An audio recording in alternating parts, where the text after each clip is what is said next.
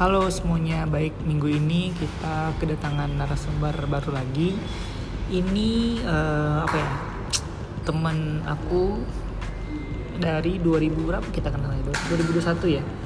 2021 waktu itu lagi freelance lah ya, freelance terus satu ya de- di startup nah, di salah satu startup yang ada di Jakarta terus eh, kita kenal di sana dan sekarang udah udah apa namanya udah berkarir di company masing-masing gitu. Tapi kita masih keep in touch lah ya. Itu. Mungkin nggak mau bahasa-bahasa lagi nih. Eh, boleh nih. Mungkin teman-teman udah denger juga ya. Ini namanya eh, Haura. Boleh nih Haur eh, sapa dulu nih buat teman-teman yang dengerin podcast kita minggu ini. Halo semuanya gitu misalkan. Oke, eh, halo semuanya, salam kenal untuk pendengarnya. Apa namanya? oh ya Oh ya, top ya. Oke, ini kita udah lama gak ketemu ya. Ini kita ngobrol lagi dan aku todong tiba-tiba untuk podcast sebenarnya. Oke, eh, kamu kabarnya gimana sehat? Alhamdulillah baik kak, Sehat ya. sehat. Oke, nah ini kan podcast aku kan ngobrolin tentang karir ya. Mhm. Kan sekarang kamu di BUMN, mungkin teman-teman yang di sini banyak lah ya yang eh, pengen mau, mau masuk BUMN juga. Ini kita nggak bisa bohong pasti juga banyak yang mau masuk BUMN lah ya. Eh, sebelum kita ngarah ke sana, nah sekarang ini kamu kerja di mana sih? Dan eh, secara posisinya apa? Mungkin teman-teman yang denger nih nggak tahu termasuk aku gitu. Bisa kamu jelasin nggak secara detail mungkin? Em, aku sekarang kerja di PT Kimia Farma Tbk. Eh, kantor pusatnya posisi aku aku masih staff dari divisi procurement. Gitu sih kak. Oke, posisi kamu apa sekarang? Uh, procurement untuk divisinya bagiannya di indirect operational excellence gitu jadi pengadaan jasa aku di unit jasa kan kalau di pengadaan itu ada barang dan jasa nah aku dimegang di tim jasanya gitu sih kak Itu eh, berarti lebih ke customer apa atau gimana? Vendor gimana?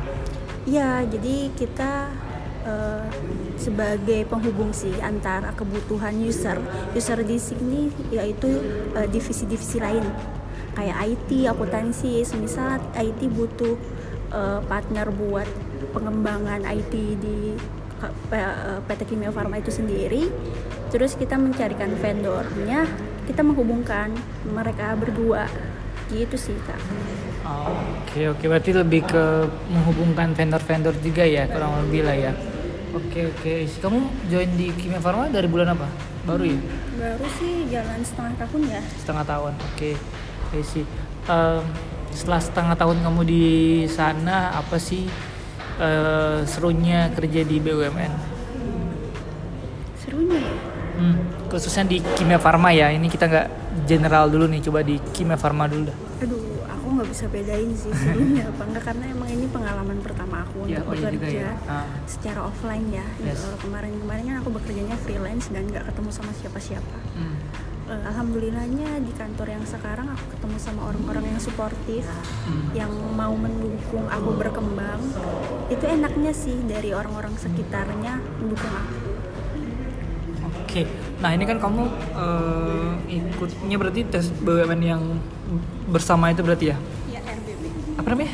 RBB, rekrutmen bersama BUMN. Rekrutmen bersama BUMN. Oke.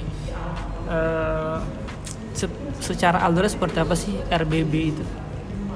alurnya ya Eh, mungkin teman-teman apa pendengar dari Oya Talks ini eh, pernah ada yang daftar juga Hmm. jadi alurnya tuh dari TKD, TKB eh, dan MCU ya aku kan batch 1 tahun 2022 Hmm. tahun 2022 iya eh, alurnya TKD TKB dan MCU nah TKD itu sendiri itu kayak dasar-dasar eh, tes dasar-dasar psikologi kayak gitu untuk TKB-nya itu dikembalikan kepada perusahaan masing-masing kak Hmm.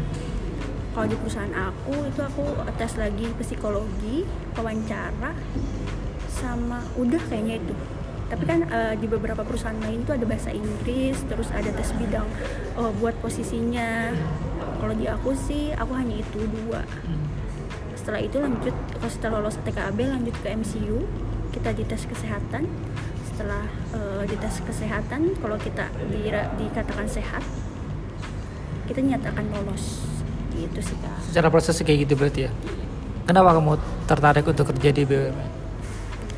Eh, kenapa tertarik karena kalau dilihat dari prospek eh, kerjanya dari eh, jenjang karirnya gitu Eh, kalau menurut aku dan keluarga eh, kalau bekerja di BUMN itu jelas ya untuk eh, jenjang karirnya gitu kak Berarti lebih ke safety lah ya, safety untuk karir juga berarti ya. Ah, oke oke sih. Nah mungkin aku kembali lagi ke prosesnya sendiri nih. Mungkin eh, yang dengerin ini eh, dia belum di BUMN, fresh graduate dan lain-lainnya yang masih cari kerja lah ya. Dan dia mau masuk BUMN kayak kamu dulu lah. Itu. Nah dari waktu kamu sebelum da- sebelum lolos ya ini kita flashback lagi nih sebelum kamu lolos apa aja sih yang kamu kerjain sampai kamu lolos pasti kan belajar ya tapi kayak gimana sih metode kamu waktu belajar itu gitu sebenarnya metode setiap orang berbeda ya kalau untuk belajar ya kayak kalau aku karena sih di situ aku nyambi sebagai freelance juga kalau nggak salah di awal tahun itu aku juga ada jadi telemarketing telesales.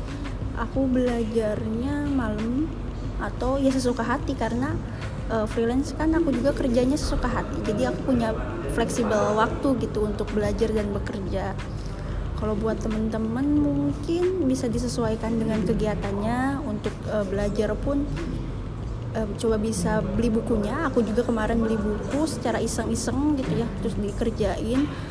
Eh, aku juga kemarin ikut tes-tes kayak tryout tryout gitu. Ah iya. Mm-mm. coba-coba yang di telegram terus ikut. Bimbel kah atau gimana? Enggak kalau bimbel enggak. Aku ikut tryout Bayar. yang berbayar. bayar oke niat ya Hmm, sebenarnya ya kalau dikatakan niat ya niat ya. yes ya niat lah Terus aku juga ikut eh, grup Telegram yang isinya eh, pembahasan so- pembahasan soal itu tanpa les dan tanpa kita apa namanya tanpa kita bayar. Kalau yang di Telegram Telegram itu sharing sharing informasi gitu. yes Hanya itu sih. itu aja nah ini kan secara proses banyak tuh dari semua tes itu menurut kamu yang paling challenging yang mana Eh, tes awal atau setelahnya atau gimana interview atau apa interview deh kayaknya ya. Why? Terus, tapi semuanya menurut aku challenging sih. Dari TKD, TKD yang awalnya kan kita online ya kak ya. yes Eh, komputer aku tidak memadai untuk hal itu. Jadi ya sebisa mungkin aku mencari komputer lain dan untungnya alhamdulillahnya aku dapat dari eh, saudara aku minjam gitu. Setelah itu kalau TKB challengingnya hmm, aku pes- eh, tes psikologi 20.000 soal selama 2 jam. 20 ribu soal Yes. wow selama dua jam tapi itu tuh eh, karena gini sistem untuk tesnya jadi kita dikasih tes misalnya matematika deret gitu ya. Yes. Kita dikasih waktu eh, misalnya 15 menit. Terus kita isi sebanyak mungkin gitu aja sih. Itu tes yang ke pertama yang kedua ya? Kedua ya? Oh. Oh itu bukannya tes yang kedua bahasa Inggris itu beda lagi ya? Nah kalau di batch 1 itu eh, bahasa Inggris masuknya ke TKB Hmm. tes eh, kemampuan bidang kalau di perusahaan aku yang aku masukin itu hmm, nggak ada tes bahasa Inggris kak. Oh I see oke. Kalau tapi kalau aku dapat informasi dari perusahaan-perusahaan lain ada yang tes bahasa Inggris. Karena kan TKB itu eh, udah masuk ke ranahnya dari perusahaan. Hmm. terus eh, for information sih sebenarnya yang perusahaan yang aku tempati sekarang bukanlah pilihan pertama. Karena kan waktu kemarin itu tiga ya pilihan dua. Oh, eh, maksudnya yang bis- bisa dipilih tiga kan kalau nggak salah kan? Bisa dipilih tiga. Yes. ini pilihan kedua aku karena pilihan pertama nggak lolos. Gak lolosnya di? Nggak lolos di TKD ah I see. See. Karena dia ada sko- ada batas atasnya gitu, batas bawah atau gimana? aku nggak tahu ya karena mungkin rankingan. Yes. ya mungkin aku rankingnya cukup untuk di yang pilihan kedua jadi aku diloloskan di pilihan kedua Oh, mungkin. Pilihan pertamanya apa?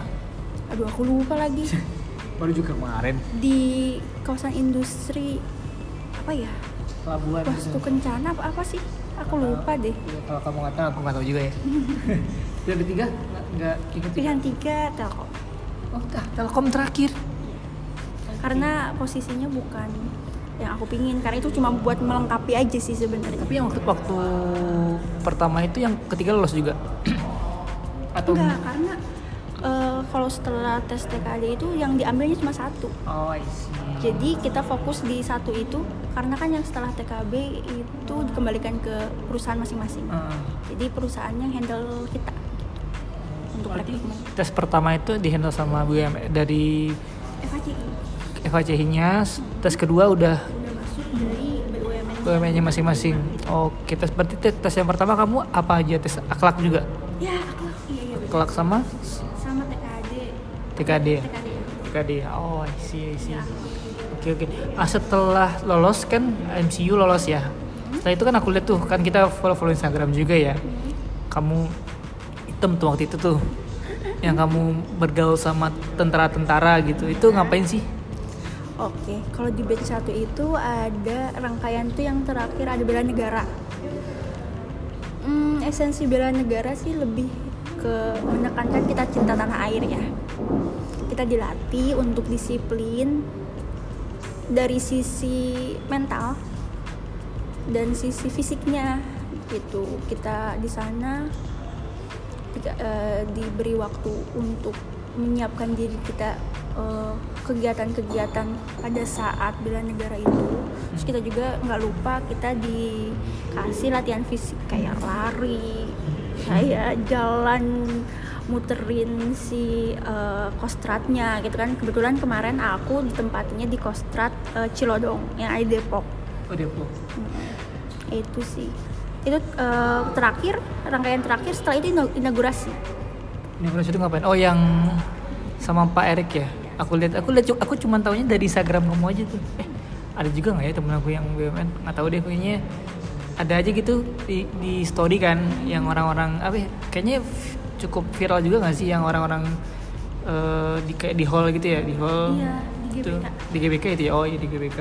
GBK terus ada Pak Erik, terus mungkin melepas orang-orang itu iya ke perusahaannya masing-masing gitu ya. Oh, I see. itu itu tahap terakhir sih Hmm, Setelah itu setelah in- inaugurasi terus ngapain lagi? kita udah langsung kerja Langsung tra- training dulu kah di Kalau- perusahaan? Kalau di aku sih aku langsung tanda tanda tanda tangan kontrak ya. Langsung bekerja. Eh, karena kalau kalian ekspektasi untuk RBB itu eh, setahu aku dikembalikan masing-masing lagi eh, dikembalikan kepada masing-masing perusahaan untuk eh, apa posisi kita dan kita tuh statusnya sebagai kontrak outsource atau apa pun itu pegawai tetap kita eh, dikembalikan lagi kepada perusahaannya. Nah, kalau perusahaan aku, aku dijadikan PKWT selama 2 tahun dulu gitu, Kak. Berarti setelah PKWT 2 tahun kamu permanen di sana berarti? Betul. Oh. Nah, eh, mungkin switch nih. Ini posisi yang emang tapi di luar eh, posisi kamu yang sekarang gitu. Eh, untuk secara karir sendiri waktu kamu kuliah, kamu mau jadi apa sih sebenarnya? Duh, aku bingung ya. Karena sebenarnya eh, untuk jurusan aku itu bisa di mana-mana aja. Ini biasanya perpustakaan ya kalau salah. Iya. Iya kan? Jadi itu, jadi yang jagain perpusnas. Nggak jagain juga sih. Terus apa? Kan ini humor-humor ya maaf, bukan Iya iya iya iya iya. Lebih ke sebagai in- apa namanya memberi informasi kepada teman-teman yang ingin nyari informasi gitu loh kak.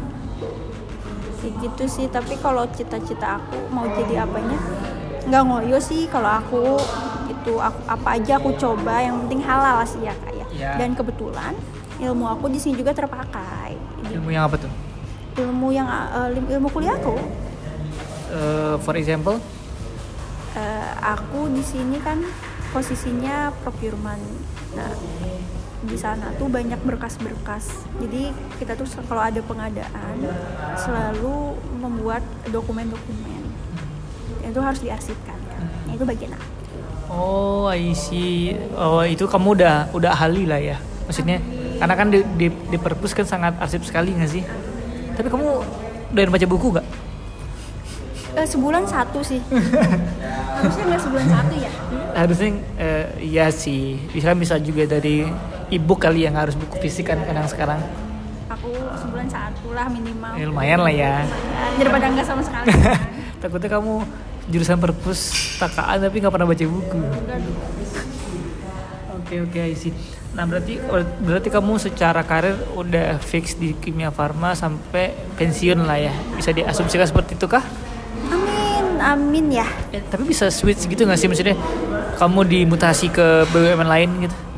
kalau untuk posisi aku nggak bisa Karena?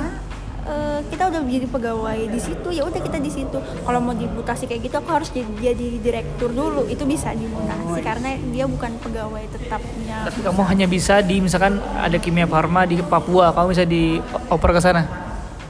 bisa kalau ada posisi buat aku Oh iya. Oh, ntar aku call Pak Erik kali ya. Atau biar apa biar kamu pindah. pindah ke Papua kalau enggak Manokwari mau nggak? Jauh amat ya jauh ya, ya makanya udah hutan semua itu. Itu kayak tapi seru kan jalan-jalan. Tapi kamu ada kayak dinas-dinas juga nggak? Hmm, kalau aku nggak ada ya, aku lebih ke apa tuh namanya? Survei. survei ke? Kan eh, kalau di kantor aku sendiri itu ada jasa catering. Dan itu dipegang oleh tim aku. Jasa catering itu kita nyari vendor-vendor yang emang sesuai sama kualifikasi dari si usernya. Udah nemu nih pak vendornya. Kalau di uh, pengadaan jasa catering ini kita ada tahapan untuk survei dapur dan testing makanan. Jadi sebenarnya bukan bukan dinas-dinas gitu sih lebih ke tes tes food dan survei dapur untuk pengadaan catering yang setiap bulannya uh, ada di uh, kantor kita. Makan gratis berarti? Iya, makan siang dari catering yang sudah eh, pengadaan jasa berikan. aduh otak aku mau mau ngejokes tapi kayaknya sangat seram sih tapi nggak usah Apa tuh? tentang catering tapi nggak usah janganlah. Oke eh, apa namanya? Berat. Oh, berarti enak juga makan nyobain makanan untuk catering di kantor berarti ya? Seru seru seru. Berarti kamu berarti tiap bulan vendornya makanan beda-beda Iya dong, setiap setiap bulan vendornya ganti dan setiap hari vendor itu harus memberikan menunya. Jadi biar diketahui sama kita. oh I see berarti kalau misalkan aku punya rumah makan aku bisa ngajuin ke kamu Ya bisa daftar ke e-procurement. oh ini farma ya terus, terus yang cara seleksinya biar dapat itu apa Kualifikasinya sih yang dicari sama user apakah cocok apa enggak.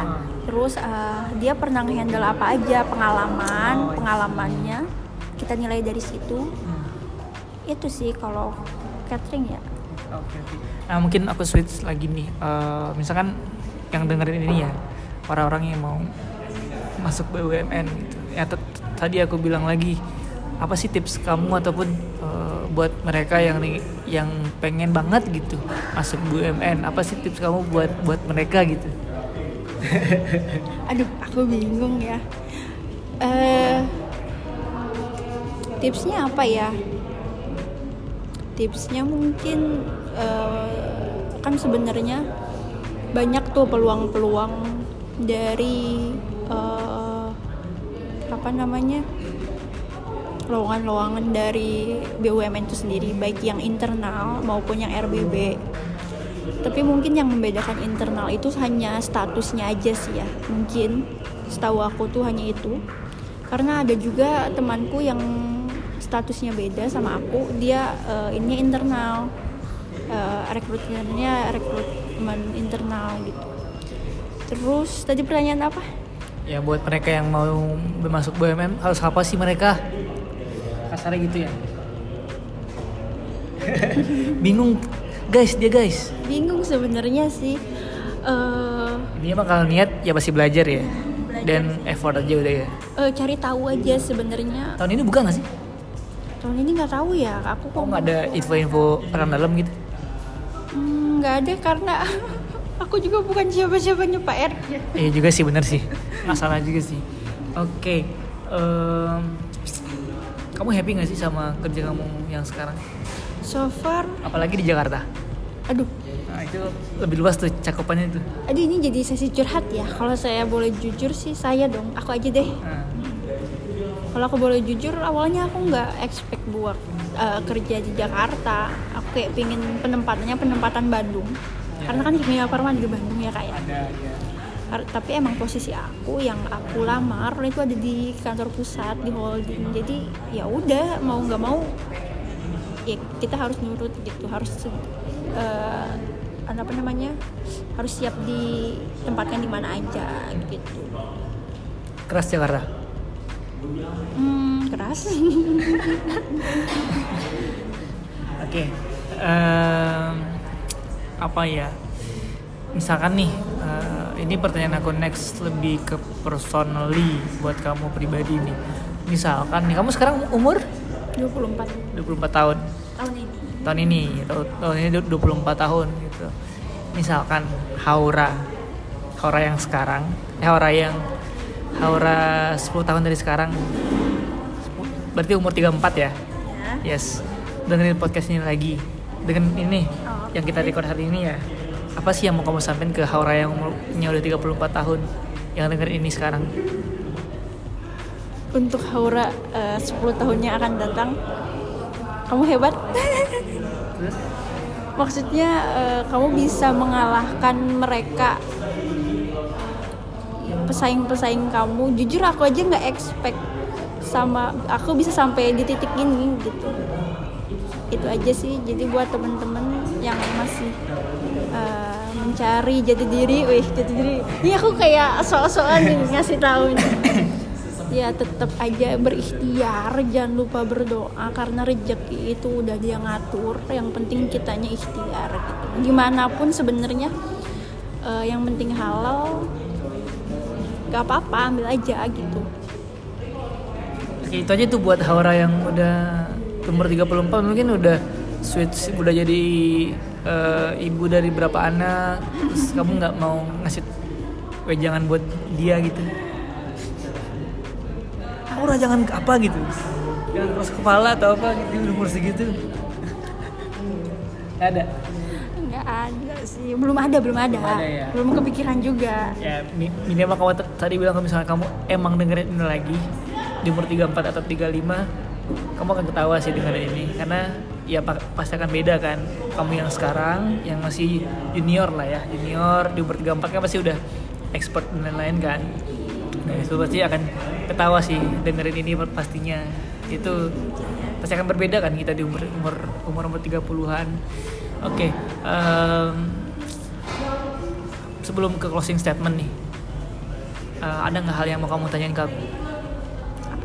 Ada hal yang mau kamu tanyain ke aku nggak nanya apa ya? Ya apa aja. Nggak ada kayaknya ya. Ada ya. Ada pertanyaan apa gitu? Nggak ada.